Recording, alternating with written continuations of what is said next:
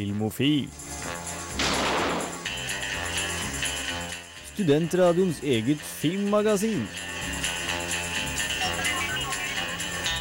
Lights ready, all set. Cameras. Og velkommen til dagens sending. Nydelig. Vi har om musikaler. Eh, Velkommen til dagens sending. Vi har om musikaler, og vi hadde selvfølgelig foretrukket å synge hele sendingen. Selvfølgelig. Vi skal se om det blir noe av i andre time når vi da faktisk har om musikaler. Eh, først skal vi ha de vanlige tingene våre. Vi skal ha nyheter, vi skal anmelde The Duff. Og Ex Machina. I, bak denne stemmen har du Henrik Ilen Ringel. Med meg har jeg Frida Hempel. Jan Markus Johansen. Hans yster Oi. Oi, oi, Det var litt oi. fort. Timingen er inne. Vi er tilbake fra påsken med maks energi og null evne. Akkurat nå får du bokkassa med passende nok No Control her på Radio Volt. Det er nå på tide med vårt første siden sist stikk. Siden sist gang vi hadde et siden sist stikk. Er det derfor det heter det?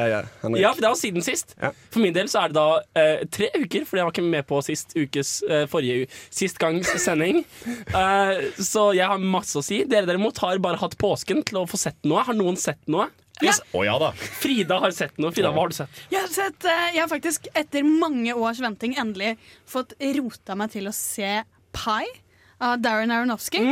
Og Darren Aronofsky er jo han som har laget eh, filmer som Black Swan og The Wrestler og i senere tid Noah. Eh, men kanskje den viktigste grunnen er jo da Requiem for a Dream, som er min Altså min største filmopplevelse noensinne. En film jeg har sett syv ganger. eller noe sånt. Den er egentlig litt for jævlig til å se mye, men jeg, det er liksom den første filmen som fanget meg på den måten. Er det de filmene som ikke kan overhypes? Fordi du kan ikke beskrive hva det er for noe? Ja, litt. På en måte, på Jeg andre siden så kommer du til å bli grusomt skuffet hvis du forventer underholdning. da Ja, ja, ja hvis, du forventer, eh, hvis du forventer å kose deg. Det er på en måte voldtekt i hodet i to timer. Ja. Ferdig med det, Ja. egentlig. Ja, for det er en Men- romantisk komedie. Ja, ja, vi kan egentlig ja, mm. Så se den en dag hvor du har lyst til å kose deg litt. Men jeg har jo da sett Pie, som er Darren Aronofsky sin debutfilm. Som er veldig mye av elementene fra eh, Requiem for a Dream. Han tester ut den, disse veldig karakteristiske montasjene sine som han bruker i Requiem for a Dream for å vise da uh, Den handler om misbruk, og han bruker disse, noen sånn veldig spesielle filmgrep uh, for å vise hvordan misbruk føles. Og Pai er, du merker veldig godt at han eksperimenterer med stilen sin. Det er jo ikke en like sterk film, det er jo første filmen hans. Fra 1998. Ja. Og det er liksom det er Litt sånn vagt sammensatt om en fyr som leter etter Gud gjennom matte. Uh, og han er gæren, og han har vondt i hodet hele tiden. Og det er svart-hvitt, og det er rart, og det er absurd. Men du merker på en måte det at det er en regissør som bygger ut sitt sånn filmvokabulær. Og det er veldig fascinerende å se på det når det er en du har så sterkt forhold til, da. Som jeg har til eh, Requiem for a Dream. Så hvis man skal se Pie, jeg kan anbefale den, men bare hvis du har sett Requiem for a Dream og liker den veldig godt. Og er litt i det humøret. Det er en typisk film der du skal være litt sånn Du skal ikke være for sliten, og du skal kunne følge litt med samtidig som du Ja. skal kunne overse et par sånne biter. Syns jeg, da, for det ble, kan fort bli litt sånn forvirrende i lengden. Veldig Altså forvirrende. Litt som Memento, så må du være veldig up to it hvis du skal klare å følge på absolutt alt som skjer. Ja, Memento er egentlig en god sammenligning. Takk, takk. Nå vil jeg da slutte på en endpoint. Uh, ja, ja, Markus, har du gjort noe nyttig? Eller har du sett film? Har du sett, har du sett noe, da, i det minste? Det har jeg. Gjør det nyttig nå? Uh, ja, jeg har funnet ut at jeg har blitt sånn mer og mer konservativ i filmsmaken min. Jeg Oi. lurer på enten om det er fordi jeg bare begynner å bli gammel og kjip, eller om jeg faktisk har sett liksom mye av det bra og liksom funnet at nå vet jeg hva jeg liker, så jeg bare ser det på nytt igjen. Men eh, jeg har sett eh, de største opplevelsene mine var vel eh, den nyeste filmen jeg kom på, var vel Pineapple Express, som jeg ikke har sett Ja. før. Mm, Som okay, er- ikke sett. Er, hva, er, Knallfilm. hva er det? Stoner-komedie 3000. Det er Seth Rogan som bare løper rundt med James Franco og røyker hasj, og så blir de dratt inn i noen sånne mafiagreier. Og det er useriøst, og det er morsomt, og Hans har noe han vil si om det. Det er òg en film som er skrev, eh, skrevet av Seth Rogen i samarbeid med Evan Goldberg. Mm. og det er de to som skrev for eksempel Superbad, uh, Knocked Up, uh, This Is The End, eh, The Interview. Alle de der filmene. For du merker det er veldig den ånden, og det er en av de tidligere, så den er eh, Ja, jeg liker den. den Ja, da. veld, veldig sånn dialogbasert, veldig impro-følelse av veldig mye av dialogen Ja, jeg er sikker på og- at de faktisk var høye på studio og bare improviserte halve Tviler ikke et sekund. Ja. Har du sett noe nyttig, Hans? Jeg har sett en del. Eh, jeg har catchet opp litt sånn på TV-serier. Um, Oh. Jeg har sett litt uh, av den nyeste episoden av Agents of Shield. Uh, sett et par Archer-episoder. Begynt å se på The Americans. Uh, veldig, veldig trivelig serie. Ja. Um, som da, for de som ikke kjenner til han, handler om en eh, familie bestående av eh, KGB-agenter. Som er sånn sleeper agents i USA. Så de får ikke lov å si et ord russisk når de er der. For alt eh, det virker som, så er de bare en vanlig amerikansk kjernefamilie. Um, men så driver de og dreper folk og driver med spionasje for uh, Russland på siden. Og så Ungene vet ikke noe om det. Det er Ungene- bare ungene- han og hun. Det er kun de to som vet om det. Og det er hun dama Og- fra Er det hun dama fra Hvor kjenner jeg hun dama fra? Er det med Ally McBeal? Nei. Nei, jeg har glemt Felicity! Takk. Kan godt hende. Er- Men, men, men, ja. men, men det, er så, det er så kult, for det oppstår en sånn spennende dynamikk når de på en måte Altså, han mannen i forholdet, han er på en måte ikke så overbevist om at de kjemper den gode saken, og er litt sånn eh, på vippen til å hoppe av til, eh, til amerikanerne og til FBI. Men så skjer det ting, og på en måte, det er kult fordi på en måte deres lojalitet ligger til familien, Ja. mens de jobber for Russland for å ivareta familiens sikkerhet. Og Nei, det er en fin serie. Det interessante med den, det er faktisk hun, hun der eh, var det Kerry Russell som spiller dama. Og det er, det er- det så mye spenningsmomenter i filmen. Ja. Det er liksom en FBI-agent over gata som flytter inn helt tilfeldig. Er, han, er det tilfeldig at han flytter inn her, eller flytter han inn en grunn? Er det noen on to us? Ja, ja. Og det er spenning mellom dem. Det, er det er sånn 17 spenningsmomenter med filmen uten at de gjør et eneste synlig grep for å skape spenning. Så det er en sånn serie som ikke er liksom Det er ikke morsomt å se på den i fem minutter. Men Nei, den, nei. hvis du ser på den tre episoder på rad, så blir, tar den deg tak i så dine. og bare-. Utro, ut, utrolig bra. Men jeg, jeg har lyst til å snakke om en film jeg har sett òg. eller typ sånn, jeg har hatt en litt sånn Siden jeg skulle se The Duff, uh, så har jeg hatt en litt sånn high school-film-binge. Ditt Um, liv er high school film binge, og så ser du av og til andre filmer. Eh, jeg har sett ECA, ah. filmen med mm, Emma Stone. Hun er så, altså Det er så deilig at hun bare får en film hun kan trave rundt og være Ja, sitt ja. sjarmerende jeg. Og bare hun har så stort range òg. Altså liksom, fra å spille liksom sånn jævlig cocky, selvsikker eh, Sånn her I'm slutting, I'm owning it. Og til å gå til liksom følsom, og til å bare være Nei, spille dritbra i den Er det lov til å si at ACA kom før Emma Stone kom inn i seg selv som en skuespiller? For jeg syns ikke hun er så fantastisk i den filmen. Jeg syns du er full av dritt. Eh, jeg har òg sett She's All That. Um, Selvfølgelig. Jeg tror ingenting på at du ikke har sett disse filmene før. jeg hadde ikke sett She's All That før. Uh, ECA hadde jeg sett før. Egentlig bra. Ja! Det er kjempegøy! Altså, det er jo sånn typisk sånn 90-tallet som bare skriker etter deg og bare sånn Hei, uh, altså, altså Det handler om en sånn fyr som er sånn her, eh, den mest populære fyren på hele skolen. Altså det er sånn, Han går bort til en jente og bare sånn uh, Hei, Deborah. He knows my name. You're not called Deborah, but still! Eh, så populær er han. Wow. Og så har han nettopp slått opp med damen, og så inngår han et veddemål med en kamerat. Sånn, Vi skal finne den mest upopulære jenten på skolen, og du skal gjøre hun til prom queen på seks uker. Det å høre deg fortelle dette her er litt som å høre damene i filmen fortelle hverandre ting de har sett. And then I was like, and he was like, and then I was like, det, oh, and then he was like det er kjempegøy. Altså, det er Freddie Prince jr. Du har ikke godt av å se på det her. Jeg elsker det. Men jeg har òg sett kanskje Altså Den, den, den jeg har sett, er på min topp ti-liste av filmer noensinne. Jeg hadde ikke sett den før. Uh, Dazed and Confused. Ja, det er en bra film. Knallfilm! Jeg har bare ikke visst om han Og, og det, å se, det å se selveste Matthew McConaughey før han var en sånn Hollywood-yngling, uh, som spiller en litt sånn gubbe som fortsatt går på high school-fester, eh, som en litt sånn creepy, sleazy eldre fyr. Eh, kjent for sitatet ah, High school girls. Every year I get older, but they stay the same age. Med sånn riktig sånn håndbevegelse. Sånn der, stay same Ja, ja, ja. age. Jeg har da sett uh, Beauty and the Beast, og da mener jeg ikke TV-serien fra 2012. Da mener jeg ikke TV-serien fra 1987. Men jeg ikke filmen fra 2009 eller den oppkommende 2017-releasen. Hva er det, da? Jeg har sett den originale Disney-filmen. Uh, selvfølgelig ikke originalfortellingen, men uh, denne nydelige lille Disney-fremstillingen av den franske jenta Belle. Og hennes eh, elskede og problemfulle Gaston. Uh, og det er en film som er god opp opp oppladning til musikaler, for jeg overlevde helt så vidt. Det var, altså, Likte du den ikke? det var grusomt på syv nivåer, og det var litt What? fint å ha sett filmen. Ja, Var ikke en gang gøy på sånn der eh, Jo, jo, det er en barnefilm, men en god barnefilm. Jeg likte, jeg likte reparteen mellom, eh, mellom husutstyret. Det likte jeg. Det ordet Mellom- blir du nødt til å eh, forklare. Mellom, nei, mellom lyset og klokka. Og, det var gøy. Reparté, avslappet humoristisk samtale. Ah. Ja da, og på den tonen Jo, jo, og så har jeg sett en YouTube-serie som heter Roadkill. Som er et par folk som eh, Det er, det er eh, redaktøren og en av medarbeiderne i, i, i amerikanske bilbadet Hot Rod som lager det som burde være British America Top Gear. Jeg må, jeg må si kjapt, siden du kom inn på nett. Um, jeg fant ut her om dagen at Broad City, en av mine nye favorittserier, er basert på en webseries. Ah. Av de samme jentene som bare typ, som filmer seg sjøl som loker rundt i New York. Det er kjempegøy. Det, Det det, er bare sånn korte episoder på et par minutter, men dødsgøy. Så i hvert fall Roadkill er da det, det, det er da det eh, America Top Gear skulle vært. Så Roadkill på YouTube. Ja, OK, Frida, hva er det du vil? Ja, Dere nevnte internett, og jeg har funnet Jeg har hørt om internett! Jeg tror de går til sang. Nei, men, nei, men man må jo nevne at Community har startet igjen. Ja! Og På Netflix. Yahoo, nei, Nei, Yahoo, Yahoo, har, tatt, har plukket opp det kadaveret som var Community, satt dem i gang igjen. Og det er så åpenbart når man ser det, at her har de fått være i fred. De har fått lov til å gjøre hva bra? de vil. Det er Nei. så deilig. Så. Nei, men det er liksom avslappet, fordi de har Det er jo kjemperart nå. Halvparten av liksom, Ja, ja. hovedgjengen er ute. Og de kommenterer det jo på den måten Community alltid gjør. Kommenterer hva vi kommer til å forvente, hvorfor vi suger som forventer det. Men det bare er en sånn jevnt over en følelse av at de de får endelig lov til å si det de har lyst til å si igjen, og det er så deilig. Åh, Er det bra, da? ja!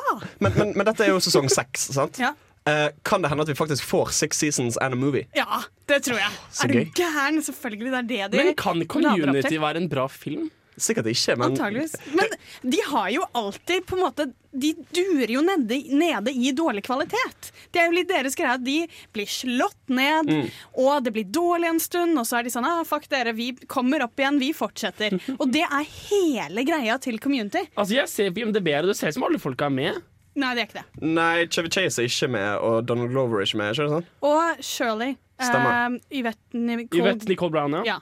Hun er heller ikke med. Nei, men også Så lenge Jeff Winger er med, Britta og Ab Abed og Annie, så er jeg fornøyd. Ja, det er hovedgjengen nå. Ja, ja men det er alt jeg trenger. Ja. Og, og, og, og han derre Ben Chang. Han, Ja. han er kul. Mm. Det skal få litt Panda Panda med What Are You Waiting For før vi ruller videre til nyheter her i Filmofil. Håper du koser deg.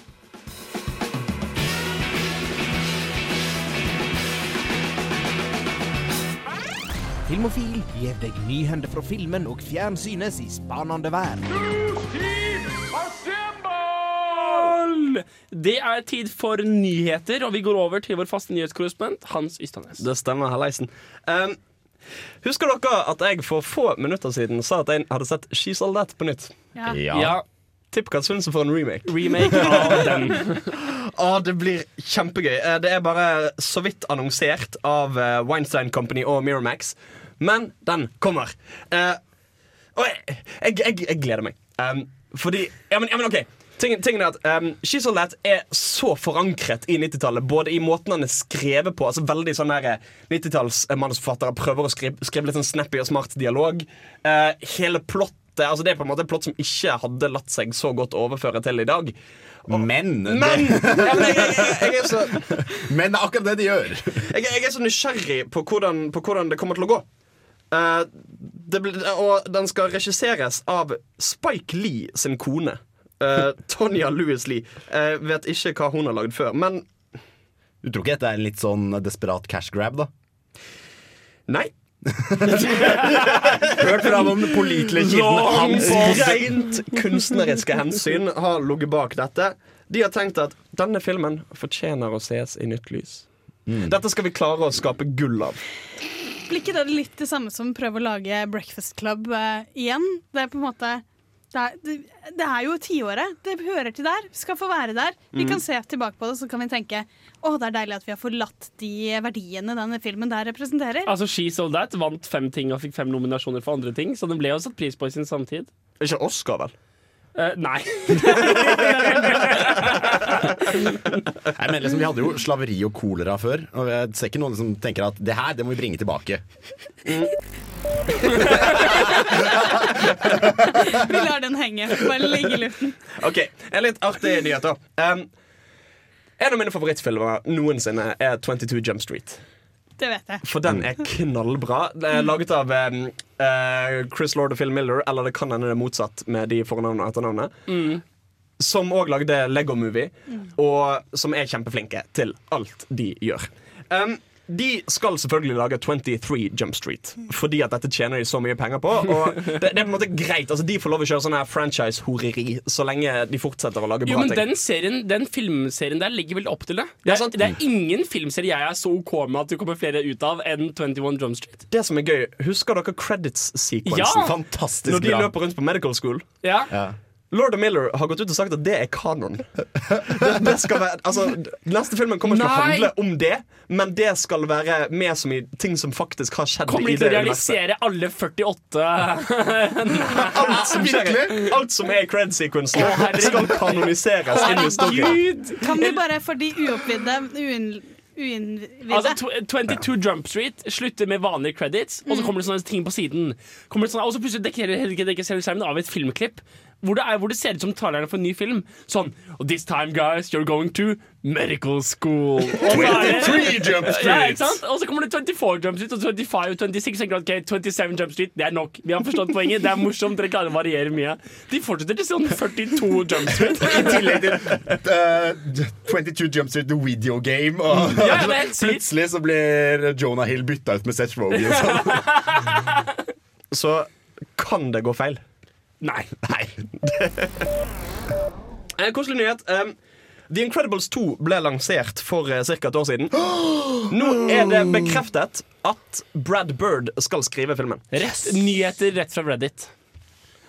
Faktisk Ja. ikke. Nei, okay. Eh, faktisk eh, kun legitime nyhetskilder. som, Fortell meg mer om denne filmen. Men altså, Moren til Hans ringte til denne faren og sa Hei, du, jeg er en sønn som jobber i dag. Stemmer det at Han du har skoleprosjekt. Nei, det, det, er ikke, det er ikke blitt fortalt så mye mer enn det. Men vi vet at han jobber med det, og at dette kommer til å tas alvorlig. Altså, vi havner ikke i en sånn her, eh, Cars 2-situasjon. Hva, hva, hva er en Cars 2-situasjon? Cars 2 Vel, det at er det fins Cars, Cars 2, er på en måte Men den situasjonen. Men Cars 1? Den retroaktivt gjøre serien dårligere? Cars Greia- 1 ødela Cars 1. Ja. Fun, fun fact, greia er at de tjente mer på lekesalget som fran av franchisen Cars enn de gjorde på selve filmen. Så de lagde da en ny film med liksom fokus på å lage masse nye biler i nytt design som de kunne lage nye leker av, fordi alle kidsa må ha Lyn McQueen i nytt design. ikke sant? Så de, de tjener mer De lager da filmen for å kunne tjene enda mer på leker enn de gjør av selve filmen. Jeg har jobbet i barnehage, og jeg kan da bekrefte akkurat dette her. Herregud, så vitenskapelig vi er. Så du har gode kilder, han har gode innsikt, innsikter, og du har um, liksom, til barnehage. Ja. Så hva Mm. bringer du til bordet, Henrik? OK. Mm. Det skal komme en Pinocchio-remake. Nei! Disney bare går gjennom hele katalogen sin og bare Den skal vi lage på Vet nytt. du hva han den gjør? nytt. Han fikk en Disney sånn månedsting som du river av. Men da, å, men da gleder jeg meg til eh, remaken av 'Ringeren i Notre-Dame'. Mm. For den klarer de Den klarte de så vidt å ikke gjøre altfor drøy i tegnefilmversjon, hvis de skal gjøre den i ekte versjon. Ja, ja. Altså heksebrenningsscenen. Det kan bli ganske drøyt. Ja, og dette skal bli live action. Um, det ting tyder på, er at de kommer til å ta litt sånn Hva skal jeg si, litt sånn friheter med kildematerialet, da. Eh, og litt sånn istedenfor å nødvendigvis handle om en tredukke som blir til menneske, så skal det handle om forholdet mellom en far og en sønn. Hvor sønnen lærer verdien av å fortelle sannheten. På hvilket tidspunkt er det bedre å bare lage- en ny film som er mistenkelig lik Pinocchio, enn å rebrande, remake, reshoote, restarte, og så med en helt annet plott? Eh, det som er interessant, da, er at vi har snakket om eh, Jeg snakket om for noen uker siden at Dumbo for eksempel, skal òg remakes, og Jungelboken. På denne siden jeg leste om den nye Pinocchio-filmen, står det òg at Ole Brumm og Mulan skal remakes. Var ikke Mulan som tidenes beste film? Jeez. Jo. Ifølge Frida. Jeg syns Frida har sagt det før. Ja, men Mulan er jo så flott. Ja, det, er en kul- det er en kul film. Eh, og den er sangen. How can I make a man out of Ja. you? Jo, men Knallåt. også er det jo så kult, fordi det er en Disney-musikal, og så stopper de musikalsjangeren i det øyeblikk Dette her har jeg faktisk sagt tidligere i dag. I det øyeblikk de møter krigen, så er det ikke musikal lenger, og så synges det ikke. Det er ganske fancy, kan jeg si dere, så det gleder jeg meg til å få igjen. Fuck yeah. Den siste lille, lille nyhetssaken jeg har for dere i dag, er at det skal lages en film basert på Five Nights at Freddy's. Nei! Jo. Var det. Det er et uh, spill som er laget av sånn én person eller noe. Ganske enkelt i utforming. Som egentlig har fått sin uh, Ja, det har blitt kjent gjennom at folk sitter og spiller dette her på YouTube, og så, så kommer det plutselig noen jump scares. Uh, av noen dokker som løper rundt inn på sånn pizzastudio hvor det er sånne elektroniske dokker som danser på scenen. Veldig amerikansk. Eh, og de hopper da opp og gir deg jump scares, og så har det blitt veldig populært på YouTube. Og det spytta ut en opp oppfølger som var veldig ja, lik. Det er, det er litt sånn La oss lage film av et internettfenomen mens det fortsatt er kult. Jo, men altså um, det, som, det som gjør at dette kan gå, er at uh, en av produsentene er Seth Graham Smith. Som blant annet lagde um, Abraham Lincoln Vampire Hunter. Som er en tullefilm. Som var overraskende bra. Men ja, sant! En, en god tullefilm. En underholdende tullefilm. Og mm, det, det har ikke kommet ut så mye om hvordan handlingen kommer til å gå. Men det som har blitt spekulert i, er at de kommer til å gjøre en litt sånn derre hva skal jeg si, Litt sånn der klaustrofobisk, sånn liten location-type film. At det skal være som i spillet. Så det er lavt budsjett, altså. Det er det de sier. Jo, men det trenger, The Conjuring hadde et lavt budsjett. Uh, Skal du The bruke det som et eksempel hver gang The Raid hadde et lavt lavt, budsjett? Ja, Men altså. The Raid handlet om La oss se masse folk drive med martial arts. Folk som har drevet med martial arts hele livet. The Conjuring var et engangstilfelle av et geni som de ikke klarte å gjenta. Nei, James Wan skal lage The Conjuring 2 snart. Ok, Så det var altså nyhetene. Og nå skal dere få Reggie Got Beats med Jealousy før dere skal føre anmeldelsen av Ex Machina, som Jan Markus har påstått er årets Kanskje. beste film så langt. Så får vi se, da. Fy faen.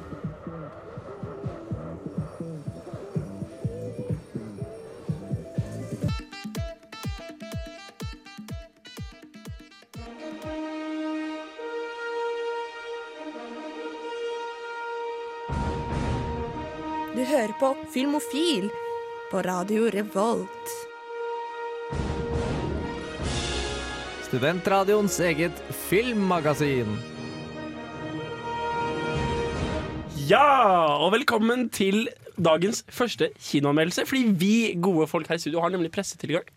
Så vi går på kino, så bare blir det mørkt, og så begynner filmen. Er det ikke, er ikke den vidunderlige verden vi Det lever i? er helt fantastisk. Selvfølgelig, da, i vår vidunderlige tilstand Det første som skjer når jeg sier eksemasjen er at tre folk sier Sies, det ikke Ex Machina? Jeg tror det sies Ex Machina. Gjør det ikke? Gjør det ikke? Det hans gjør det, argument. Latin er dødsspråk. Det finnes ingen uttalestandard.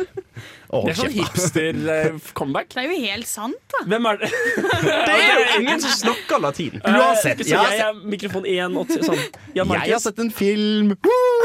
Og det, Du stjal. ja, uh, Hans hadde egentlig tenkt å se den her, men eh, han hadde gått og sett The Duff. Så det er liksom Nei, Hans, jeg Du vil hadde anmelde en ikke film. trengt å se The Duff, sant? Ja, fuck deg, da. Du så det dødt fordi du ikke hadde gjort noe annet i hele ditt liv! Du kunne fått en beskjed om at huset ditt brant. Du hadde gått og sett det døff. Moren din hadde ringt og si 'Hans, jeg trenger OK, Jeg, jeg må ha deg. Du hadde fortsatt gått og sett det døff. Uansett. Eksmaken av en film om en eh, fyr langt inne i skogen som finner opp kunstig intelligens.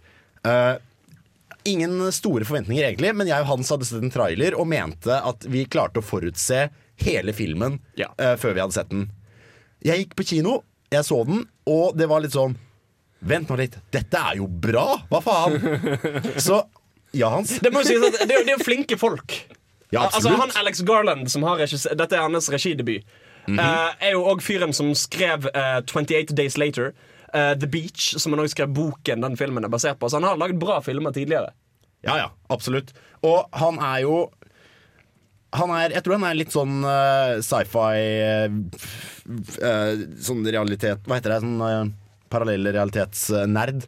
Med zombier og sci-fi og den slags. Og jeg tror han er- Allegorier, så å si. Ja, noe sånt. Og han tror jeg er veldig glad i sjangeren, for det er en film som jeg føler er gjennomført og har lagt masse sjel og arbeid i. Og jeg syns egentlig at vi bare kan høre anmeldelsen.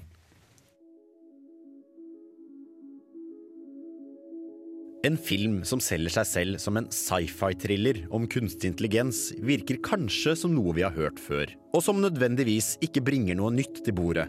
Eksmakena er en film jeg gikk for å se med den selvgode og klysete forventningen av at jeg skulle klare å forutsi plottet lenge før det faktisk skjedde på skjermen.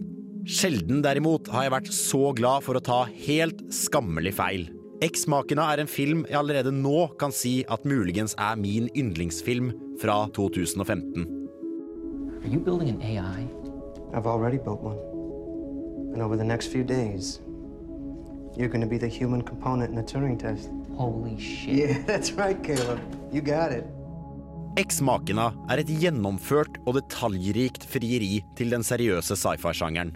Filmen kan kategoriseres som lofi, altså low fiction, der det vi ser på skjermen muligens bare er få år unna å bli virkelighet. Vi introduseres for protagonisten vår Caleb når han vinner en konkurranse hvor premien er at han får møte den legendariske programmereren og milliardæren Nathan. Han fraktes langt ut i villmarken til Nathans private residens. Og etter å ha signert en kontrakt om absolutt taushetsplikt får han snakke med Ava. Hun er verdens første kunstig intelligens, og Caleb er der som den menneskelige delen av Turingertesten. It's when a human interacts with a computer. And if the human doesn't know they're interacting with a computer, the test is. Med dette karaktertriangelet i fokus kommer det stadig frem flere detaljer som tilsier at mye holdes hemmelig for Caleb, og han forsøker å finne ut hva det er som foregår under overflaten. You shouldn't trust Nathan. You shouldn't trust anything he says. De tre karakterene Ava, Nathan og Caleb er nødt til å stort sett bære hele filmen på egen hånd, siden størsteparten av plottet foregår innendørs i Nathans isolerte og hyperteknologiske festning. In many ways, this building isn't a house, it's a. Og det klarer de mesterlig. Hver eneste handling føles troverdig og gjennomtenkt, og det er fengslende å se på. I motsetning til dårlige skrekkfilmer der man nesten roper til skjermen at Nei, ikke gå inn i det rommet alene da, din idiot! Er dette en thriller der karakterene handler intelligent og reagerer som en konsekvens av det de møter på og lærer i løpet av filmen? Dette, kombinert med en stødig og selvsikker cinematografi, gir seeren tid til å la samtalene og dilemmaene virkelig synke inn. Vi får en film som gir oss tid til å gjette på hva som kommer til å skje, uten at vi noen gang føler oss sikre på at vi faktisk har rett. Det er uforutsigbart, og det er fascinerende. I want to talk to you about the greatest scientific event in the history of man. Filmen diskuterer dype temaer som identitet, menneskehetens utvikling, etikk og personlighet. Den nøler ikke med å dykke ned i voksne tema som f.eks. seksualitet eller dødelighet, men gjør det heller uten noen fanfare.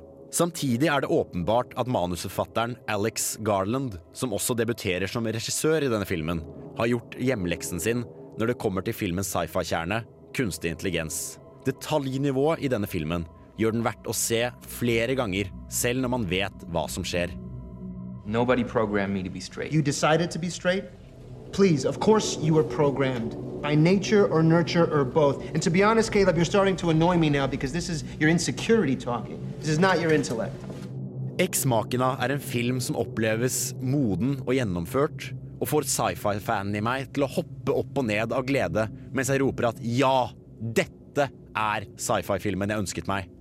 Til tross for at noen scener kanskje blir litt i overkant langsomme, biter den indre spenningen og drar meg seg fast i deg med mottakere og slipper ikke taket før du ser rulletekst. Få med deg noen venner som liker sci-fi og thrillere, og løp til nærmeste kino for å se X Makina.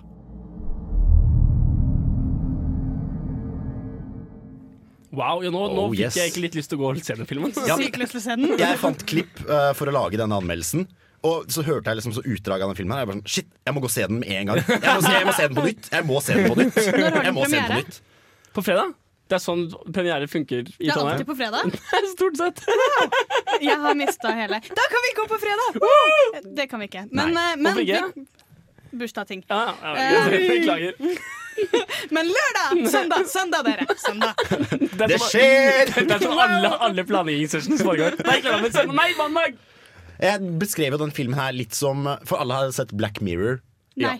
Som er en sånn Ja. veldig mørk, dyster, uh, realistisk lofi-serie. Eh, og det her minner Det kan nesten vært Black Mirror the Movie.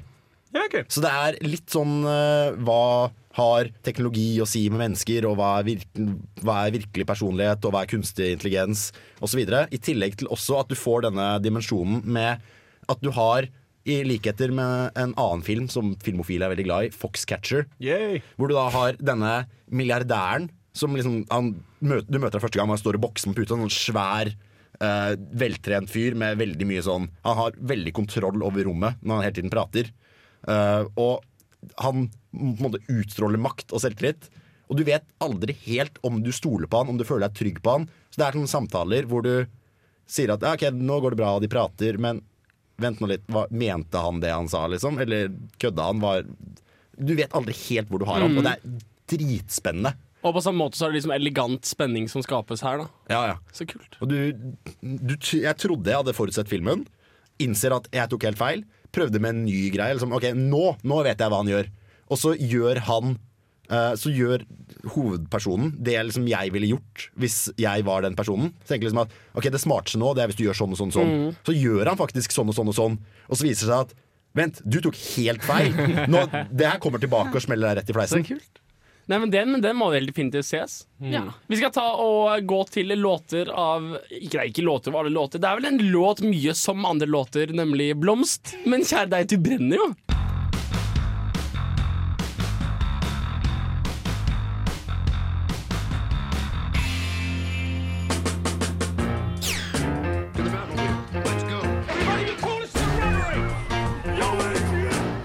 Er Filmofil.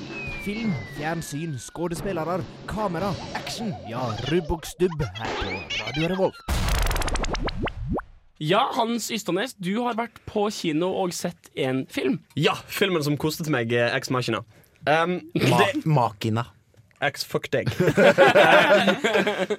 det, det er The Duff. Uh, veldig, veldig trivelig, koselig film. Um, det er det, det, det er en high school-komedie på godt og vondt, eh, med karikerte personer. Og alltid ja, bitchen, den kjekke, og disse stereotypiske figurene som du har lært deg å elske gjennom flere år med disse filmene. Er den med Hilary Duff?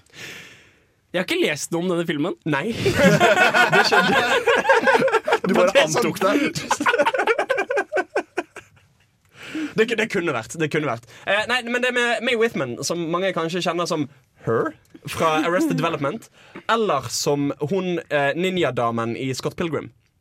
Ja. Mm. som, som gjør en kjempejobb. Eh, hun burde få flere hovedroller i tilsvarende filmer. Og også Eh, Parenthood, for de som er totalt utenfor vår demografi som ser Parenthood. aldri hørt om. Nei, akkurat som sagt. Parenthood er en liksom stor brevnt serie som er kjempebra, som moren min ser på. Mm. Nei, men ve Veldig koselig film. Jeg koste meg masse med den. Eh, ikke at jeg er helt upartisk, kanskje, i uh, denne sammenhengen. Men, uh, men jeg, jeg hadde det gøy. Ja, ja, jeg, jeg, jeg, satt og bare eh. Skal vi, skal vi ta og høre anmeldelsen. Dersom du hadde gått på high school, som framstilt i amerikansk film, kan det godt hende at du hadde vært en av de styggeste der. No offense. Uansett, dette er i hvert fall tilfellet for Bianca Piper, som blir fortalt at hun er the duff i hennes vennegjeng. Den stygge venninnen som gjør at de pene jentene blir penere, og som òg fungerer som den mer tilgjengelige kontaktpersonen når folk vil ha tak i de pene jentene. Hun blir forståelig nok noe sur for dette, og bestemmer seg for å rebrande seg sjøl. Underveis havner hun i en lang rekke pinlige episoder, og det blir stort sett ganske vittig. Det er en film jeg koste meg med, selv om han kanskje ikke kommer til å gli inn i historiebøkene. There's my favorite Duff. Sorry, what? Duff. D-U-F-F. Designated ugly fat friend. What did you just say to me? Look, I didn't mean it like that. Every group of friends has one. You're the one who's approachable. You friended up. Good for you. Det skal sies at jeg har en enorm forkjærlighet for high school-filmer. Det er noe med det, det stiliserte bildet av klikker og forhold som oppstår i et miljø som jeg sjøl en gang har vært en del av. Sånn sett skiller The Duff seg fra mange andre filmer i samme sjanger. Heller enn å fokusere på en spesiell klikk i high school-faunaen, fokuserer han på et sosialt fenomen innad i alle grupperingene. Om han klarer å si noe mer om det enn at det er dumt å være dum mot folk som ikke er superslanke og pene, er heller tvilsomt. Men han gjør det med såpass sjarm at det får heller våge seg. Everything and everyone can suck it. Whoa, someone's in a mood. Lighten up. Lighten up because I'm so heavy. Oh, no, you did. I, I didn't say it. Yes, you did. Kanskje er The Duff sjøl Duffen i vennegjengen, bestående av andre komedier som Superbad, Mean Girls og American Pie. På en måte den som, den som er dømt til å glemmes, sidesatt med såpass mye, om ikke bedre, så i hvert fall mer minneverdige filmer. Det filmen har som skiller seg ut, er at for en gangs skyld er hovedpersonen en jente som ikke er dødspen og syltynn, og forsøket på å gjøre Duff til et buzzword. Men om det holder, og om Duff kommer til å gli inn i dagligtale, gjenstår å se. I don't want to be anybody's duff anymore. Don't you hate me? Yes, I do. But you're the only one in this whole school who told me what was actually going on. I will make sure you pass science if you help me with this. You got the easy part. I have to reverse stuff you. So you'll do it? On one condition. You gotta ask me in your monster voice. From when we were little? Mm-hmm. No. I don't I don't remember it. You sure? Yes, I don't I couldn't even Det er likevel mye fint i denne filmen. Kjemien mellom skuespillerne er kjempebra, og May Whitman gjør en god jobb til hovedrolledebutant å være. Selv om det stort sett ikke er noe sånn ha-ha-morsomt, er det god stemning gjennom hele filmen, og jeg satt stort sett og lot meg underholde. Han hadde dessuten noen øyeblikk med genuint velskrevne vitser, og running gags som kom tilbake når du ante fred og ingen fare. I'm gonna be a dateless weirdo for the rest of my life and end up like my mom. You need to realize you're only as awesome as you think you are. You look crazy. Crazy amazing. Let's do this. Er The Duff en ny Mean Girls? På ingen måte. Han er ikke like godt skrevet, ikke like morsom, og kommer nok ikke til å tåle tidens tann på samme måte. Likevel, han er kjempefin underholdning på en treg søndagskveld, med en venninnegjeng og en par flasker hvitvin, eller hvis du er som meg, på Netflix alene i sofaen med ostepop. Uansett, han er verdt å se, og jeg tror det er en film de fleste vil kose seg med. En god film med dama i sofaen. Ja, Frida, venninnegjeng. Ja, altså Åpenbart, Hans liker jo dette her. Han kan jo se det med hvem som er Jeg bare ja. Hva, hva er det du sier? Hva er det du sier? Vent litt, vent litt, vent. Hva er det du sier? jeg sier at venninnegjeng er det kjønnsspesifikke ordet, mens vennegjeng er det ikke-kjønnsspesifikke ordet. Er det en jentefilm, Hans? Ja. Fortsett. Jo, men OK, OK. ok Frida. Jeg er kjempeimot begrepet jentefilm. Men du har ingenting imot å bruke det? Men det er jo en jentefilm. Ja, men på en måte Det er jo, Det er den, det, det er jo den demografien han sikter seg inn mot. Ja. Og, og Hans. Og, og meg. Eh, sorry. Altså Egentlig høres det ut som en film som alle passer for alle i alle aldre som liker jentefilmen. Ja. Jo, jo men, men på en måte Jentefilm som sjanger kan jo eksistere uavhengig av om det er jenter som ser det. Det var faktisk mitt poeng også. Og Ja. Det er også da med Alison Chaney, som er den beste moren ever. Og jeg elsker henne fra å sette West Wing 17 ganger. Og så er det jo også han der dirigenten fra Hva heter hva heter den trommefilmen? Whiplash. Er ikke han duden med? JK Simmons? Ja. Nei. Jeg jeg så klippet av han i traileren. Overhodet Han- ikke. han- var så godt forberedt! Jo, du så moren, for hun er kliss lik. Hun ser ut som en tynn kvinnelig versjon Det er av JK liksom Simmons. Jeg snakket om. Jeg, jeg, jeg, jeg, jeg satt under, under filmen og tenkte det. Faen, jeg lurer på om de er søsken eller et eller annet sånt. For de er skikkelig like. Og Ben, og han Ben Chang, eller Chris Wilde, da, som han heter. Ja, ja. Jeg så jo Nei, det er ikke det han coveret heter. Ken, til Ken, Ken Jong var det som jeg mente. Da vi drev og slåss om hvilke film, hvem som skulle se hvilke filmer, så så jeg coveret til den her, og det er jo sånn eh, hvitt cover, noe personer klistra på forsida, og rød, fet, utheva tekst, som er sånn alle varselsignaler i verden når det kommer til film. eh, film. Det er jo sånn, Hvis du hadde gått ut i naturen, så hadde det tilsvart en sånn skikkelig fargerik, giftig uh, sommerfuglarve som du ikke må røre, for da dør du. Jo, jo, men altså det kommer an på hva, du på måte, hva slags type filmer du liker. Og dette er jo Det, altså, det er veldig sånn paint by numbers, skulle jeg si. At det er det er en sånn fish out of water-type komedie, hvor du har en eller annen person som ikke helt passer inn, prøver å gjøre ting, og det går sånn noenlunde, men så går det fint til slutt. Og, men, Spoiler, da. men, men, men han er kjempefin. Jeg koser meg. Og det, det på en måte, han har noen sånn genuint smarte øyeblikk hvor på en måte um, altså, altså, det er noen ting som etableres i filmen, som så kommer tilbake som vitser seinere, og du er bare sånn Hæ? Jeg skjønte ikke at det var build-up til en vits. Og så kommer punchline og hvis den der. klarer det, så er det kjempebra. Hvis det i tillegg er en film som ikke blow its og, hole, hall its ord, ord altså. Hvis den blower, hvis den ikke kommer over hele ansiktet ditt i løpet av traileren, Nei, så er jo det bra. Hvis det er fordi den har noe verdi av å se. Nei, nei, han er kjempekoselig og bare Ja.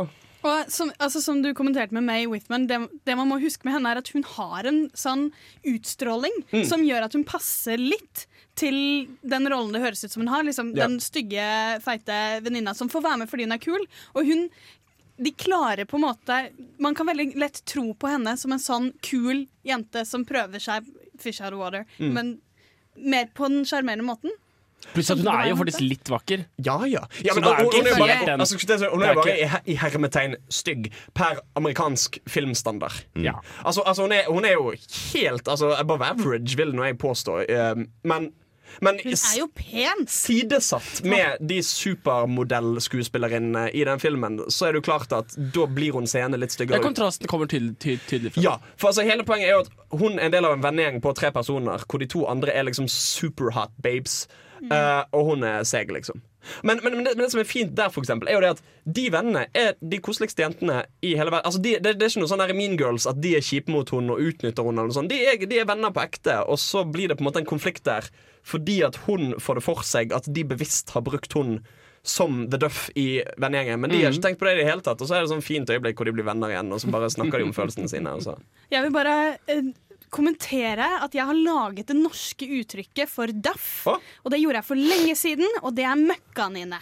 Møkkanine? Og det er en karakter fra min framtidige kioskroman. Jeg skal Ja. skrive en kioskroman som er hun som ikke er den peneste, hun er ikke den snilleste. Hun bare ligger på låven og drømmer om bankende lem. Det er møkkanine. Hva sa du? Hun drømmer om bankende lem. Bankende lem. Bankende lem. Det er sånn man skriver Pulserende peniser, er det det Ja. du sier? Ja, Å, herregud. jo, for de sier jo alltid det i kioskromaner. Jeg, har, jeg tror bare hvis man putter inn det Jeg har nok ganger, så aldri blir det en hørt det uttrykket før. Nei, men du har ikke lest kioskromaner. Okay, vet du hva? Det. Vet du hva? Vi, eh, vi, vi, vi, vi setter- vi setter streken der for dagens uh, ikke-tematiserte For vi kommer med et annet tema, mener jeg. Uh, vi har funnet litt morsom musikalmusikk til å ha til vårt musikaltema. Uh, vi begynner av en merkelig grunn med Catherine Zeta Jones og All That Jazz. Her på Filmofil.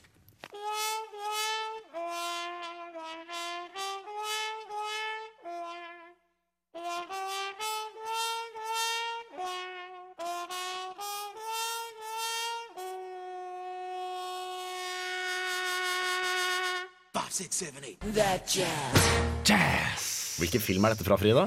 Chicago. Ikke Oh, fra, yeah. ikke fra kasino, sånn som jeg sa. Jeg har sett den på West End. Det er da eh, det er, På en kino i West End så, så du filmen to, fra Chicago fra 2002. Det virker litt uheldig å gå på West End og så se en kinofilm.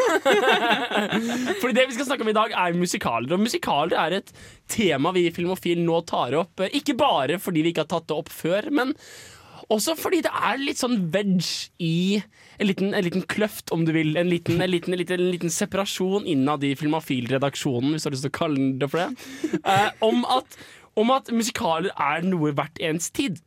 Jeg er ingen stor fan av veldig eh, klisjéfylt på en måte fremstilling av en historie.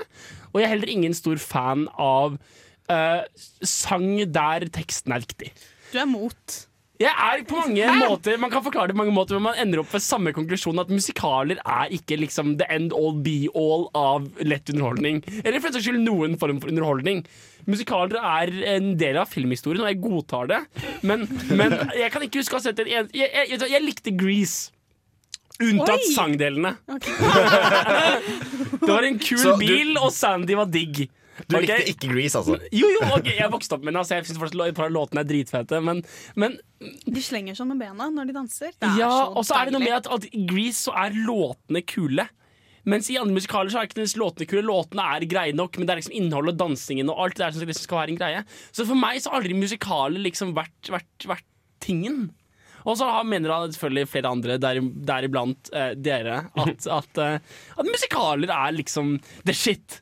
At det, er, at det er kunst satt sammen. Det er, det er magien av skjerm pluss magien av musikk. Det er lyrikk i dans! Jeg vet målet for denne sendingen, og det er å klare å få Henrik over den ravinen som splitter oss, og Det over var på den, den riktige siden av musikalfandom. Oh yeah. Men Altså um, Det som jeg syns er så kult med musikaler, er jo Det er et begrep som jeg har nevnt i Filmofil tidligere, som heter diegetikk. Ja. Sirisene spiller i bakgrunnen. Som betyr Du vil ha vil seriselyd. Diegetikk er Når du ser musikken du hører i filmen, og eh, de, skuespillerne forholder seg til filmen. når de andre skuespillerne i filmen hører det samme som vi hører. Ja, al- altså Om det på en måte er musikk som eksisterer i virkeligheten i filmen, Mm. eller som bare er der for oss seerne. Og det som er interessant med det, er at den ikke-diegetiske musikken, altså den de andre skuespillerne ikke hører, Mm. er, det er en helt egen måte å levere um, personskildring på. Det er en e- egen måte å drive eksposisjon på. Mm. Fordi da kan faktisk karakterene si til deg nøyaktig hva de mener gjennom sang. De kan forklare det uten å ha en sånn irriterende voiceover, eller uten at de må liksom snike det inn sånn hamfisted inn i noe dialog. Jeg syns ikke at det er så veldig elegant at han bryter ut i sang i fem minutter. Kan du ikke ha litt rullende tekst over skjermen? Det funka for han George Lucas-duden. Men jeg synes det er veldig fascinerende, Fordi jeg vet ikke om en sjanger hvor folk er såpass bastante på at de ikke liker den sjangeren som musikaler. Jeg tror din mening er veldig vanlig. For jeg har snakket med så mange som er sånn Nei, å ja, er det en musikal? Da gidder jeg ikke, da gidder jeg ikke se den. Og det kommer ofte ikke fra noe sted. Det kommer fra en litt sånn vag følelse av Jeg vet ikke, Chicago, kanskje? Uthold, være- en vag følelse av utholdenhet. Jo, men hvilken film er det du, Hvilke musikaler er det du har sett som har skuffet deg så dypt? K- Hvem såret deg? Vis på denne dokken hvor musikalen tok på deg. å si det. Eh, um, eh, det er egentlig bare det at jeg har sett en del filmer og har kjedet meg gjennom musikkbitene. Moulin Rouge er liksom, det er kjedelig, musikkbitene er kjedelige. Det er sånn Når du når siste frasen i låta, så er det sånn Å, nå er det synget godt da er vi tilbake igjen i filmen. Um, jeg syns ikke det er noe gøy. Jeg syns det er pinlig når disse folka skal bryte ut i sang. Jeg syns det er pinlig. Det, det, det, det, er pinlig for meg. Det er, ikke godt å se på. Jeg foretrekker å late som det er et ekte verden. Det er, som, det er faktisk litt som han sier, at de, det er en ny form for eksposisjon når de synger sin karakterutvikling. Da føler jeg at de snur seg mot meg, i tilskueren, og sier Her, se på meg gråte! Og det er sånn, herregud, kan ikke, bare, kan ikke du bare holde deg? Kan ikke, kan ikke dere bare holde på Chill the skjermen? fuck Ja, out. Ja, men altså, liksom. Henrik, det er jo fortellerkunst med langt lengre tradisjon enn å ikke gjøre det. Jo altså da. siden Hvordan er det et argument? Hvordan er det et argument? Prostitusjon skal være det eldste arbeidet i verden. Er det, er, det, er, det, er det du kommer til å gi som karakterråd for folk? Nei, men Det er sånn snobberi å si at 'jeg skal ikke ha sånn fortelling'. Det er ikke snobberi, jeg bare sier at jeg liker det ikke. Barnslig. Det er sånn Nei, jeg vil kunne Jeg vil kunne Han forandret angrepet sitt ettersom OK, så hva skal vi snakke om i nå sendingen før vi går til låt, Frida? Vi skal egentlig gå litt gjennom og prøve å snakke om litt Nummer én forskjellige typer musikaler som er der mye. Fordi man, te man har et bilde av hva en musikal er, og det er veldig de gamle Hollywood-filmene eller Le Miserable, som vi antakeligvis kommer til å nevne flere ganger. Og Disney. Og Disney. Eh, og på en måte, det er mange som har en litt sånn følelse av hva en musikal er, så vi skal, vi skal prøve å snakke om litt ulike måter folk gjør musikaler på. Vi skal også egentlig bare gå gjennom litt forskjellige måter akkurat den å synge karakterutvikling kan fungere på. da. Hvorfor man gjør det, hvorfor vi skal like at de gjør det. Eh, og så var det ikke en til hvorfor. Det skulle vært det. Damn it! Jeg skulle tenkt dette gjennom. Så det er det vi skal snakke om. Dere skal nå få Ava Gardner med I Can't Help Loving That Man. my Mr. Man.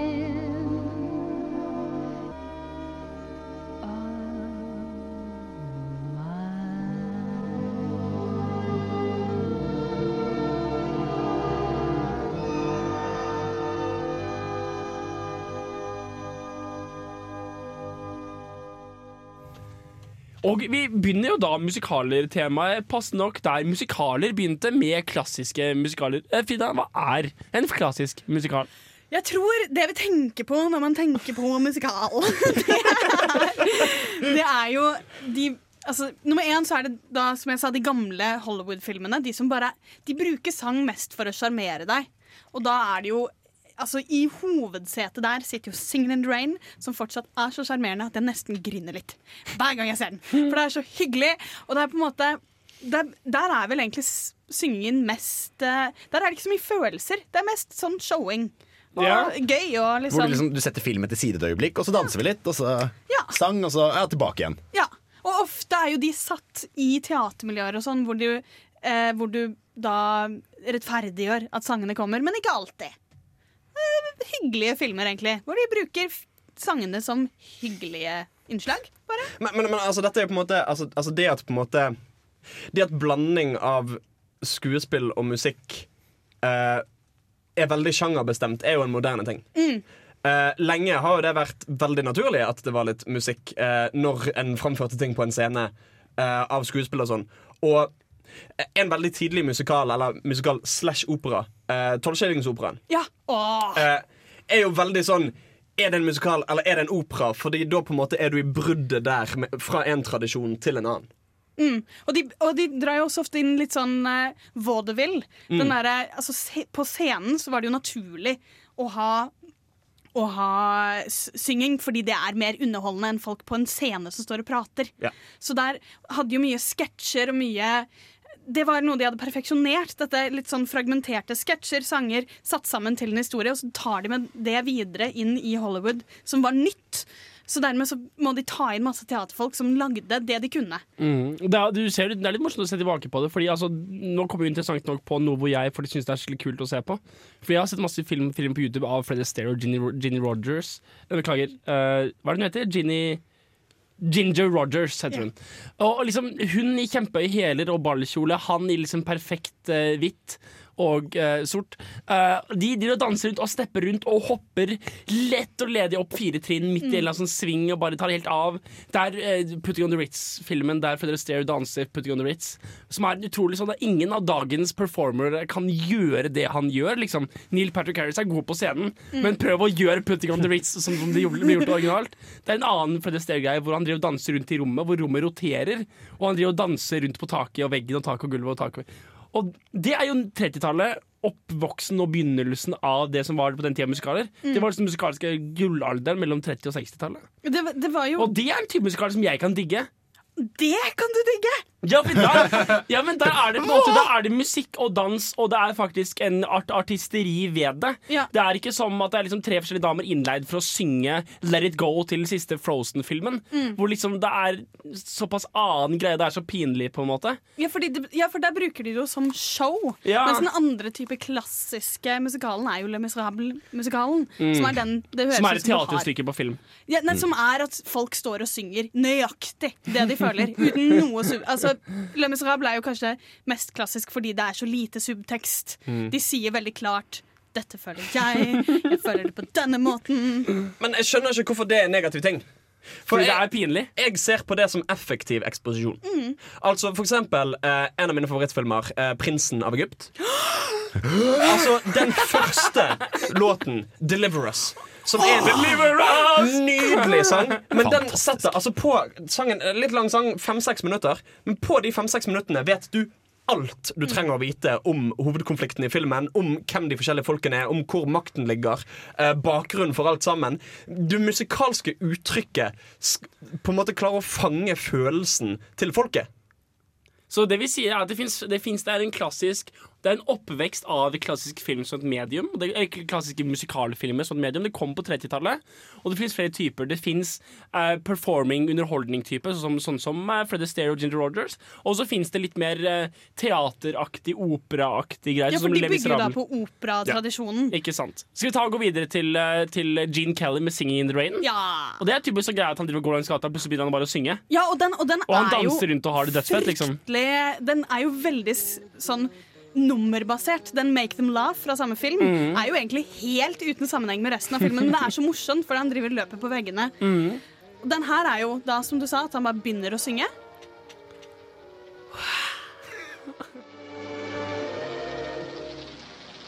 I'm singing in the rain and singing in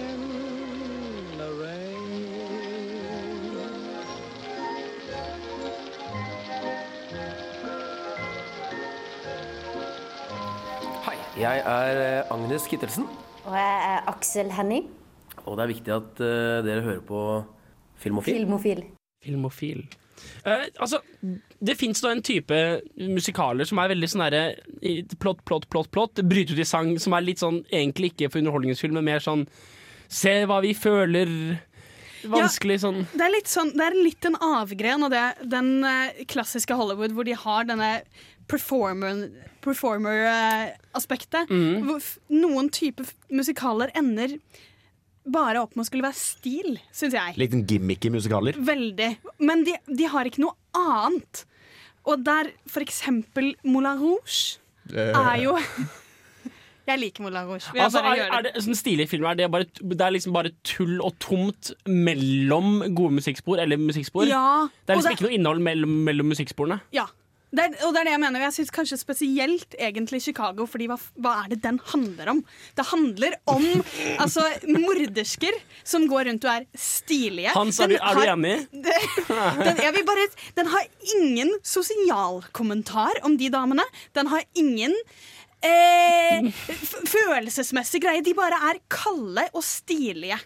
Ja, Jo, jo, ok, Chicago er en knallmusikal.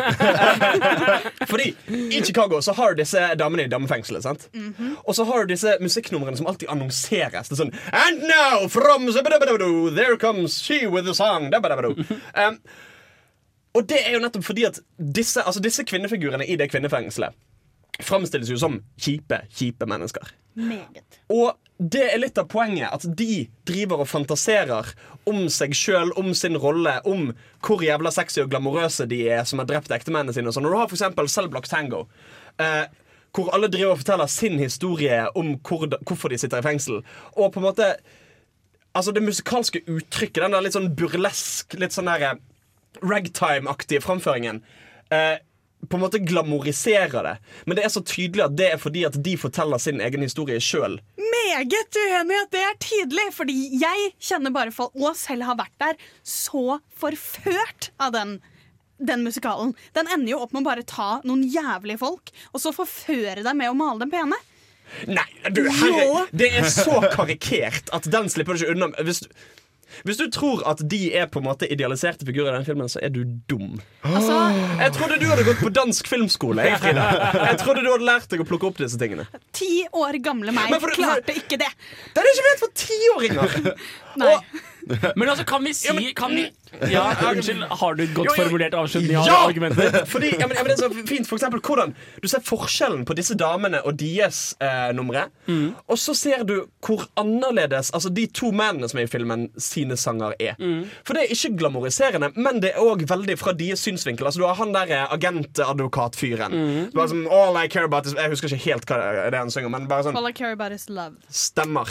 Hvor han ser på seg sjøl som sånn en sjarlatanaktig fyr så bare Og han stakkars ektemann med han er Mr. Cellophane. Så poenget ditt er at det er faktisk aspekter ved filmen Sangene uttrykker hvordan de ser på seg sjøl.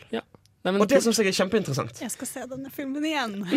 Og det kan kanskje våre lyttere også gjøre. Men vi er i hvert fall enige om at Og det finnes, kanskje Chicago er en av dem, men det finnes filmer som på en måte er litt uheldig utvikling av denne 30-tall-type film vi snakker om. Mm. Hvor det er performance-oriented. Og så blir det inn i mer moderne film som kommer på 90-tallet, på 2000-tallet, kanskje til og med sent 80-tallet. Mm. Filmer som prøver å være det samme, hvor det er liksom veldig sånn hedring og klassiske fremstillinger av klassiske historier med nydelig musikk, og så ender det opp med å bli veldig tomt.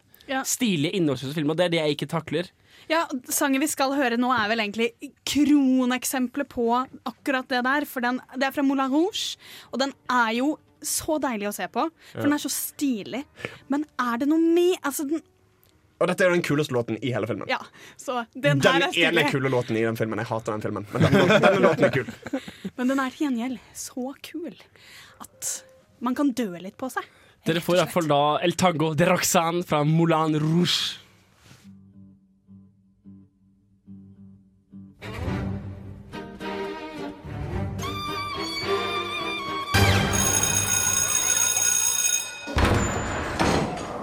There will be no foolish wand waving or silly incantations in this class.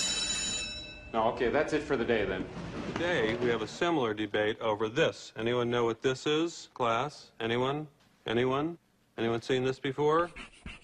Ukens hjemmelekse. Og litt som en, på en måte reaksjon til, eh, til eh, denne litt klassiske, de, disse klassiske formene for musikaler som vi har pratet om, så kommer det litt etter hvert litt sånn Odde-musikaler inn, og en veldig moderne form for det. Altså En musikal som ikke helt på en måte følger de vanlige sjangerne. Kanskje til og med en film som egentlig ikke er musikal, men som gjør en musikalsk ut av det. For eksempel Ukas hjemmelekse. Team America. Team America. Fuck yeah! Nå må jeg slutte å si det. Det var, det var den ene, ene gangen jeg kunne si det. Ja, jo, det som er veldig fascinerende med den, er jo kanskje Det er jo på grunn av Matt Stone og Trey Parker, som Mm. selv elsker musikaler, og putter det inn i alt de lager. Og alt de lager, er så ukonvensjonelt. Altså Som South Park-filmen, for eksempel, Mm. som også er en musical. Ja, og de putter det inn i mange South Park-episoder også. Mm. Og de klarer å bruke den kontrasten på en helt fantastisk måte. Det der er at Du forventer jo ikke å få en musikal. Og det at de dermed slenger på en sånn skikkelig De bruker jo også den klassiske Hollywood familievennlige sanger og lar de være så drøye. Mm. Og det er en sånn deilig kontrast som, som faktisk flere bruker. Family Guy eller Seth MacFarlane bruker jo Ja, vi liker ikke Seth MacFarlane, jeg ser det. Men han bruker jo også den kontrasthumoren, og det er veldig morsomt. De klarer på en måte å ikke bare blir sånn bæsj, se så drøye vi er. Mm. De, de, det blir veldig sofistikert. For det blir på en måte en sånn balansegang. Mm. Eh, både mellom det og typ altså, altså, for, for, Det virker som det er mange sånn virkemidler som brukes av humorister uten at de helt skjønner hva de gjør. Altså, sånn som for eksempel det å være drøy bare for å være drøy, eller det å være random bare for å ra være random, som ikke fungerer. Mm. Men i Team America så er det så perfekt timet og skrudd sammen og brukt til perfekt. Bare det også at hele filmen er en dukkefilm. Legger jo liksom til et ny Hvor, Når så du en annen dukkefilm enn Team America? Nei, altså, Ikke sant? nei. Ja. Bare det at de klarer, de klarer å lage en musikal om et verdenspoliti som bekjemper terrorister med dukker, og de får det til. Og det er, det er helt fantastisk. Og de har jo tatt en veldig klassisk filmsjanger. De tar Mm. jo actionfilmen, og så gjør de det om til en musikal. Og eh, de, man, Vi kan jo egentlig gå til eh, den eh, flotteste sangen i hele, hele filmen, som er veldig kort, så vi bruker den som klippet vårt. Eh, og det er jo det, det synes jeg egentlig viser veldig godt hvordan de forholder seg til musikaler. For dette er jo faktisk en parodi på Rent. Mm. Der hvor alle i Rent dør trist av aids. Så da har de laget sin musikalversjon, eh, med, og den er da representert her med sangen 'Everyone Has Aids'. Everyone has. AIDS,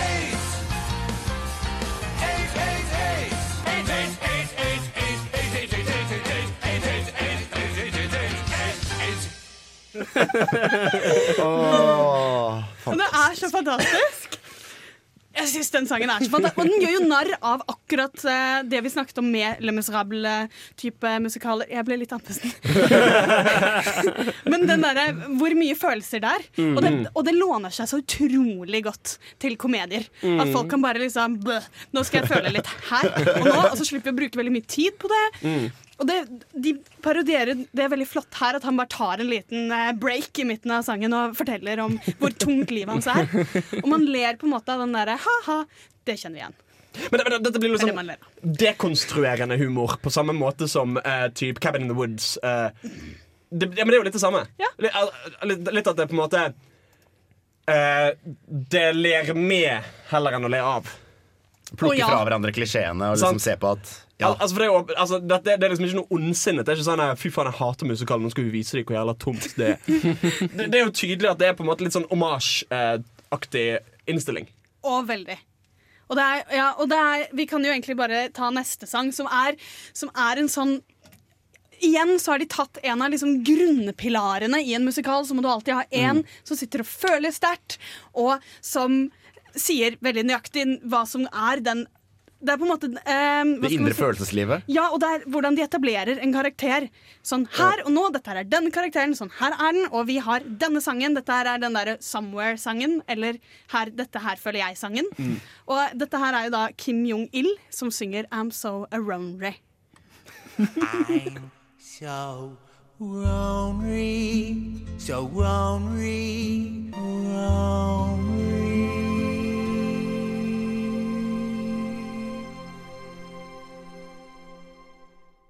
Da er det på tide med Odde musikaler som et tema. Fordi, altså Vi prater om hvordan eh, Team America gjør det. Det jo andre måter å gjøre det på, f.eks. Rocker Picture Show. Ja. Som er på en måte mye forskjellige ting som skjer på en gang. Og så er det musikaler egentlig bare mer for å forsterke hvor i ansiktet du blir slått av alt ved filmen.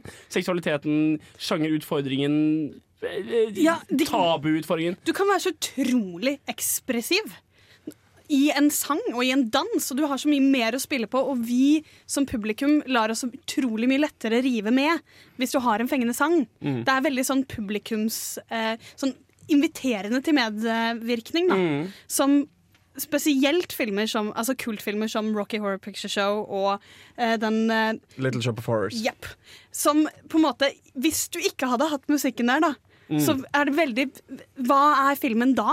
Ja. Det blir på en måte Innholdet er veldig Det at vi skal være med, er hele filmen. Og dette er jo på en måte disse, disse type det, det jeg tenkte på med Odde musikaler, er jo de filmene vi hele tiden glemmer at er musikaler. Som folk som deg liker. Hei! Jo, men Sånne filmer som klar, klarer å få deg litt til å overse at det egentlig er en musikal som følger det oppsettet alle andre musikaler følger, men de gjør det på den, en sjarmerende måte, og det bryter så veldig med det innholdet vi forventer av en musikal. Mm. Og da både Team America og, men også de der utrolig rare filmene som Rocky Horror Picture Show. Er det også mulig å trekke fram eh, Cohen-filmen Oh Brother Where Art Thou? Det er jo en Mm. musikal. Ja. Og liksom, folk digger den. Det er en Cohen-film, så selvfølgelig gjør de det. Men det er også en når du sier musikal, så er ikke det den første filmen du tenker Nei, jeg på. tenker heller ikke på det som musikal. Men det? liker du den filmen? Ja. Den er dritbra. Så det er, vi, har da, vi, har da stumbled, vi har da snublet borti hva som gjør en musikalfilm skikkelig god. Nemlig En av måtene å gjøre den skikkelig god på, er å gjøre det skikkelig eh, smooth og naturlig, slik at man ikke merker at det er en musikal. Mm. Kamuflere at det er en musikal. Selv om det finnes filmer der det er morsomt når de bryter veldig eksplisitt ut i sang. Men, men det, det, altså det er på en måte filmer som skulle til å si rent formulaisk ikke er veldig musikaler. musikaler. Ja, nei, ikke sant. Ja. Så det blir jo på en måte ikke helt sjangertro musikal. Altså det, det er på en måte ikke helt samme type film. Ja, for det er filmer med musikknummer, liksom. Ja, kanskje det heller enn at jeg vil kalle det en ren musikal. For det, det er på en måte Sånn jeg ser det, er det liksom ikke kun musikken som gjør det heller. Det er noe med liksom handlingsstrukturen og Altså, altså på en måte Måten de forskjellige scenene er satt opp etter hverandre. Hvordan for eksempel, altså, sku, eh, karakterer kommer inn, går ut, noen blir stående igjen og har et nummer. Og de, Den måten å gjøre det på. Ja. Altså Det er en veldig teatralsk um, Veldig, veldig sånn opera, operatisk eh, måte Jo, å lage altså, skuespill på. Det vi prater om ved denne filmen her som på en måte Disse filmene her som altså Rocker Pictures Picture blir jo sagt at det er, jo- det, Den filmen eksisterer ikke uten musikken. Og vi snakker om hvordan, hvordan Og Brother Where Art går så smoothly inn og ut av musikkstykkene sine. La oss se på en film som er ekstremt musikalaktig, nemlig la oss- Sound of Music. da Mm. Det er jo en veldig klassisk musikal. Og den går jo også vanvittig avslappet og ledig inn og ut av sine musikalnumre. Ikke sant? Så det er jo en fellesnevner for, eh, for hva en god musikal er, er hvor smooth de går inn og ut av det. Men som du sier, da, altså det er jo noen som er veldig på sjanger, og noen som er veldig av sjangere. Hvilket er passende ettersom dette stikket skal handle om odde musikaler. Men jeg syns jo ofte det, det disse litt rare musikalene låner, er jo faktisk essensen av musikaler. Mm. Som ikke da var synging, men den ekspressive måten. Behovet for å bryte ut i sang. ja, men de låner jo på en måte musikaliteten fra musikaler. De tar jo ikke like mye sånn hvordan historien er bygget opp og sånne ting. De tar jo kjernen. Mm. Så dermed så blir det jo på en måte Det blir jo mer sjangerlek med en veldig satt sjanger. Som i hvert fall vi, de fleste av oss, har veldig klare forventninger til musikaler. Ja. Ja, Mm. Du ser Mm. undrende ut. Jeg, tror, jeg tror vi nærmer oss kjernen. Sannheten. Fy faen. Et nytt nivå.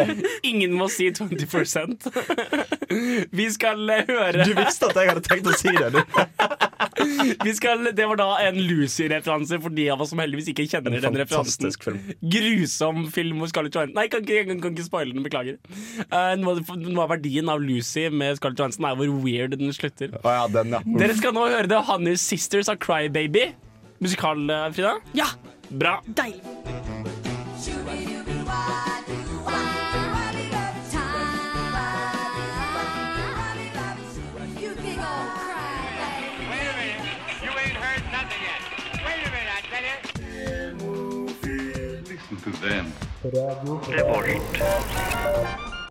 Og hva er egentlig eh, politiske musikaler for noe? For nå har vi nevnt oddemusikaler, vi har nevnt klassiske musikaler, vi har nevnt stilige musikaler som vi hater. Og så fins det faktisk samtidige samfunnsrelevante musikaler. Fordi du kan jo si hva du vil om udødelig kjærlighet, men Les Miserable er ikke veldig aktuelt. Nei, ikke nå lenger. Det var vel det. Nei, ok. Men eh, faktisk ehm, Rocky Horror Picture Show vil jo faktisk ha elementer av det fordi det er sjanger eh, Nei, jeg mener kjønnsidentitetsleking. Og også Crybaby, som vi nå har nettopp hørt en sang fra, er jo laget av eh, John Waters, som på en måte bare leker litt med våre ehm, med noen sånne forestillinger vi har. Og det er veldig lett å gjøre på en sjarmerende måte i musikaler. Men, det jeg egentlig ville nevne, det er veldig fint at du for lenge siden nevnte Tolvskjellingsoperaen. Ja. ja, fordi en av uh, siste århundrets største Kanskje den største dramatikeren fra forrige århundre, Bertolt Brecht, han har laget noen regler for hvordan man skal lage politisk teater.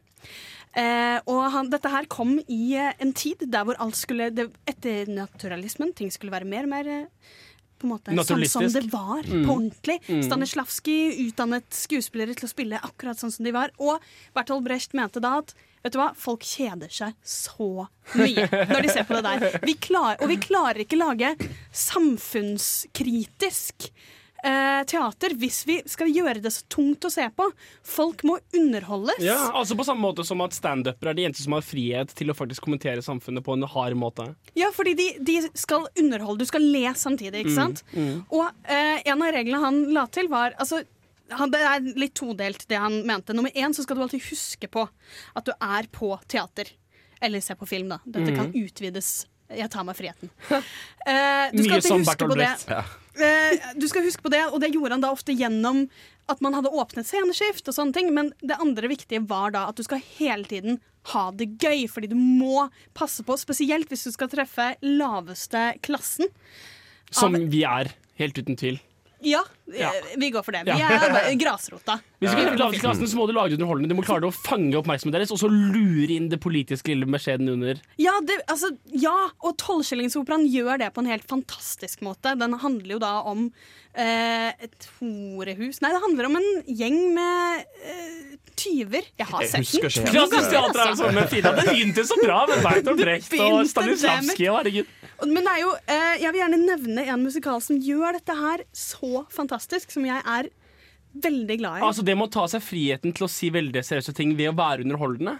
Ja, men- eller det å bruke underholdende ting til å, til å kunne fortelle oss hva er det vi syns er underholdende? Er det den her gjør? Så den tar jo et skritt videre. Oh. Dette her er da kabaret, som handler om nattklubbmiljøet i eh, Tyskland, eller i Wei Weimart. Wehrmacht. Wehrmacht. Wehrmacht Eh, er da på 30-tallet. Er ikke det? På 30-tallet i Tyskland.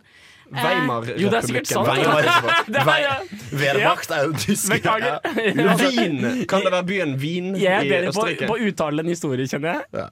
Weimar-republikken. Det- Ja, det var nattklubbmiljøet i Berlin på 30-tallet, og den er Siden de er på nattklubb, så bruker de det eh, hva, hva vi underholdes av. Det er hele tiden nattklubbnummeret, Mm. og så viser de utviklingen av hva er det vi ler av. Mm. Men er ikke det bare en vanlig satirefilm eller en vanlig politisk kommenterende film som tilfeldigvis har sang i seg? Hva gjør politiske kommentere, hva gjør politiske musikaler noe annet enn vanlig At vi har sett så mange filmer om andre verdenskrig, så den her tar tak i det på en helt annen måte. Mm. Gjennom å snakke om det gjennom underholdningsaspektet, så tar de de treffer noe helt annet. Dette handler om Vi klarer å se hvordan er det nazismen sakte, men sikkert utvikler seg. Hvordan er det de starter med å le av homofili? Fordi det var mye åpent eh, homofilt rundt omkring i eh, Tyskland på 30-tallet. Og så ender de opp med å le av eh, jøder. Og, det, er, og det, det gjøres på en sånn ekkel måte, altså. Vil vil du si at i denne Brecht-tradisjonen med å tøyse litt med, menn, ha det gøy politisk um, Lakkasje og Fold? Å ja. Si flere ord. tro. Hva, hva, hva mener du? du? og Fold er en musical om noen som jobber på et sånn burleskhus hvor alle er transer. Mm. Og så er greien at eh, liksom eh, De to mennene som styrer det og er sammen, eh, har en sønn. Nei, de har en datter. Nei, det er en sønn Eller som har blitt kjempeforelsket. Hun har blitt kjempeforelsket i en uh, jente. Denne jentens far er ingen ringere enn lederen for et kjempekonservativt politisk parti. Som er veldig veldig imot hele dette fjolleriet og homseriet som uh, foreldrene til han gutten holder på med. Og dette vil de synge om. Så de han skal da få hun på besøk. Der kommer òg faren. Og da må liksom alle late som de er kjempehetero. uh, for å ikke bli liksom Alle avslørt. transene i dette huset må liksom late som de heter hetero. Går rundt og drikker øl og tar seg av ballene. det blir kjempegøy. Men ikke sant, hadde det der vært en film uten sang, så hadde det jo blitt en ganske sosialdrama. Ja, altså, det er vanskelig å Mm. lage en komedie sånn hæ, wacky Mm. forviklingskomedie i den settingen der. Mm. Men siden det er en musikal, så klarer de Så går det skrittet så Mm. veldig lett. Det er så lett å lage en underholdende tullefilm med et kjempeseriøst undertema. Ja, vel, la meg, la, la meg, la meg Jeg, jeg, jeg, jeg synes dette er veldig kult det du kommenterer på. Det kommer definitivt til å føre at jeg skal vurdere å tenke på å, å begynne Og å legge kanskje- musikaler i to watch-lista mi. Uh, jeg, men jeg tenker at jeg skal prøve å trekke en linje her, fordi vi pratet om musika, musik, musikerfilm for noen ganger siden. Da pratet vi om Mm. hvordan musikken har Den gir deg en ny tilknytning til filmen, og hvordan musikkbruk i film kan ø, forhøye din, tilk din, din emosjonelle tilknytning og din forståelse av hva som skjer i scenen. Og I tillegg til på en måte hvordan bilder og, og hva folk sier påvirker deg, så vil musikken tilbringe en helt ny dimensjon til filmen som en opplevelse. Det hadde vi Mm. en samtale om. Og musikaler vil da ha en ny funksjon i tillegg til musikk i film. Nemlig at musikaler kan forkle innhold, eller kan gi det til deg på en veldig lettfordøyelig måte. Ja, det var godt oppsummert. Takk! Wow! Så fornøyd. Og på den noten 80 så, Jeg sa det var den siste Lucy-referansen! Vi skal høre da eh, låta du nevnte, eh, Frida, som er da Hva er det for noe? Det er Kabaret fra Kabaret som er eh, Den filmen du snakket om. den filmen jeg snakket om. Og sunget Eh, av Liza Minnelli. Liza Minnelli, som Dette er siste sangen hennes hvor hun på en måte går inn for å ignorere hva som skjer rundt seg. Hun drar ikke med sin eh, kjæreste ut av Tyskland. Hun bestemmer seg for å bli. Bestemmer seg for å fortsette å leve det livet hun, hun har hatt tidligere. Og nå skal hun bare Hun skal få tilbake det, men det er så åpenbart at ingenting kommer til å være sånn som det var. Hun skal bare begynne å eh, Hun skal bare overse verden sånn som den er akkurat nå.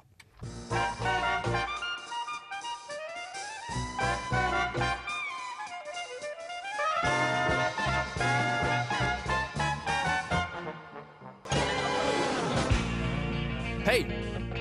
Hei! Det er ikke 90s sitcom-flashback. Ta og Skru på noe annet. Bedre, men prøv igjen. Der, ja! Filmofil presenterer ukas serie.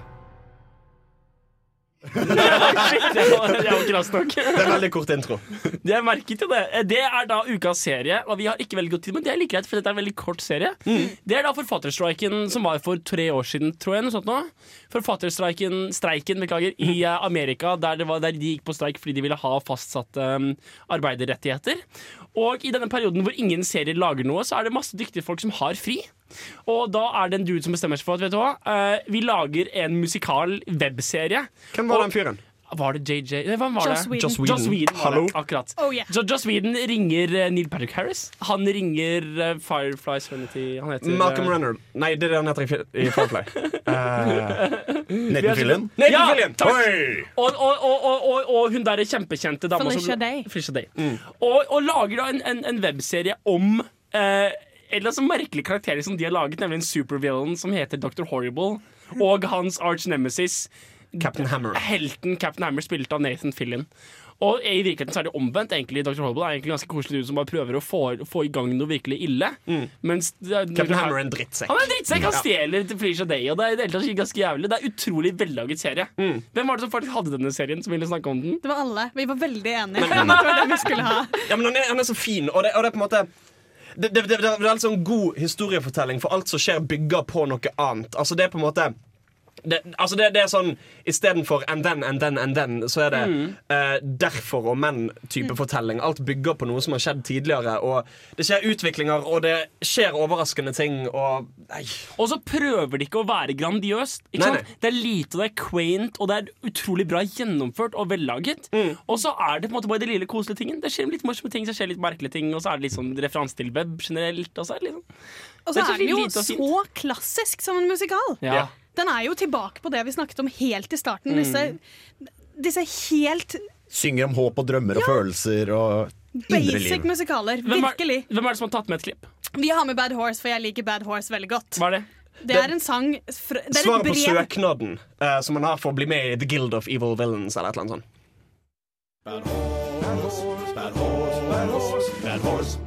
Det, det, det, er kjempe- og det, det er så gøy, fordi han Bad Horse er liksom sjefen i denne skurkegjengen. Og han er bare en hest. Det er litt sånn som, det er litt sånn som Hvilken Disney-film eller Pixar-film hvor det er en supervillain dude eh, um, Ikke, ikke, ikke. Incredibles. Det er ikke Incredibles, men det er en annen film. Hvor det er de enøyde små minionsene. Det er ikke grusomme meg. Despicable Me. Ja. Det er litt samme greie der, er det ikke det? Ah, ok, ne, Fortsett. Ok, uh, vi- vi, skal, vi skal faktisk høre en sang til fra Dr. Horrible. Um, som er, den heter Brand New Day, og den er så fin sånn fordi at den, på, den på, brukes for å illustrere det at der ombestemte han seg.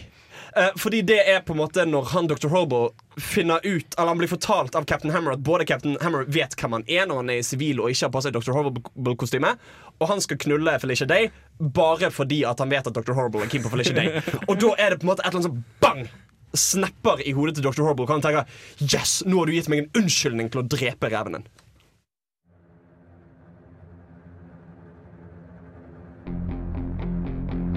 It's a brand new day. Ja, så Det var altså ukas sending med Filmofil. Dr. Horribles singalong-blogg kan du se på YouTube og diverse andre steder på, på interwebet. For det er tross alt en gratis webserie, og noe du må se uansett om du liker musicals eller ikke. Jeg har da passende nok ikke sett den. Uh, jo, jeg har sett selvfølgelig litt av den. Uh, det var ukens sending. Vi har pratet om Ex Machina, som du må se. Vi har pratet om The Duff, som du absolutt kan se. Bør se. Neste ukes tema er sexy film. Buzzword! Ikke sexy film, men kanskje det også. Men hovedsakelig sex Mm. i film, som i preposisjonen i film. Uh, det er Ukas hjemmelekse er Shame med Michael Fassbender og Carrie Mulligan. Det er en bra film, den må du se. Jeg kommer til å se den. Jeg har bare sett bitte litt av den. Den må du se. Uh, vi kommer til å prate mye morsomt om sex. Uh, hva er sexy film, hvordan blir det fremstilt, historien rundt det. Kan kvinner ha sex i film, eller bare later de som? Godt oppsummert. Det blir veldig morsomt. Nå får dere Queries med Hair, og takk fra meg, Henrik. Frida. Jan Markus. Hans. Ha det bra.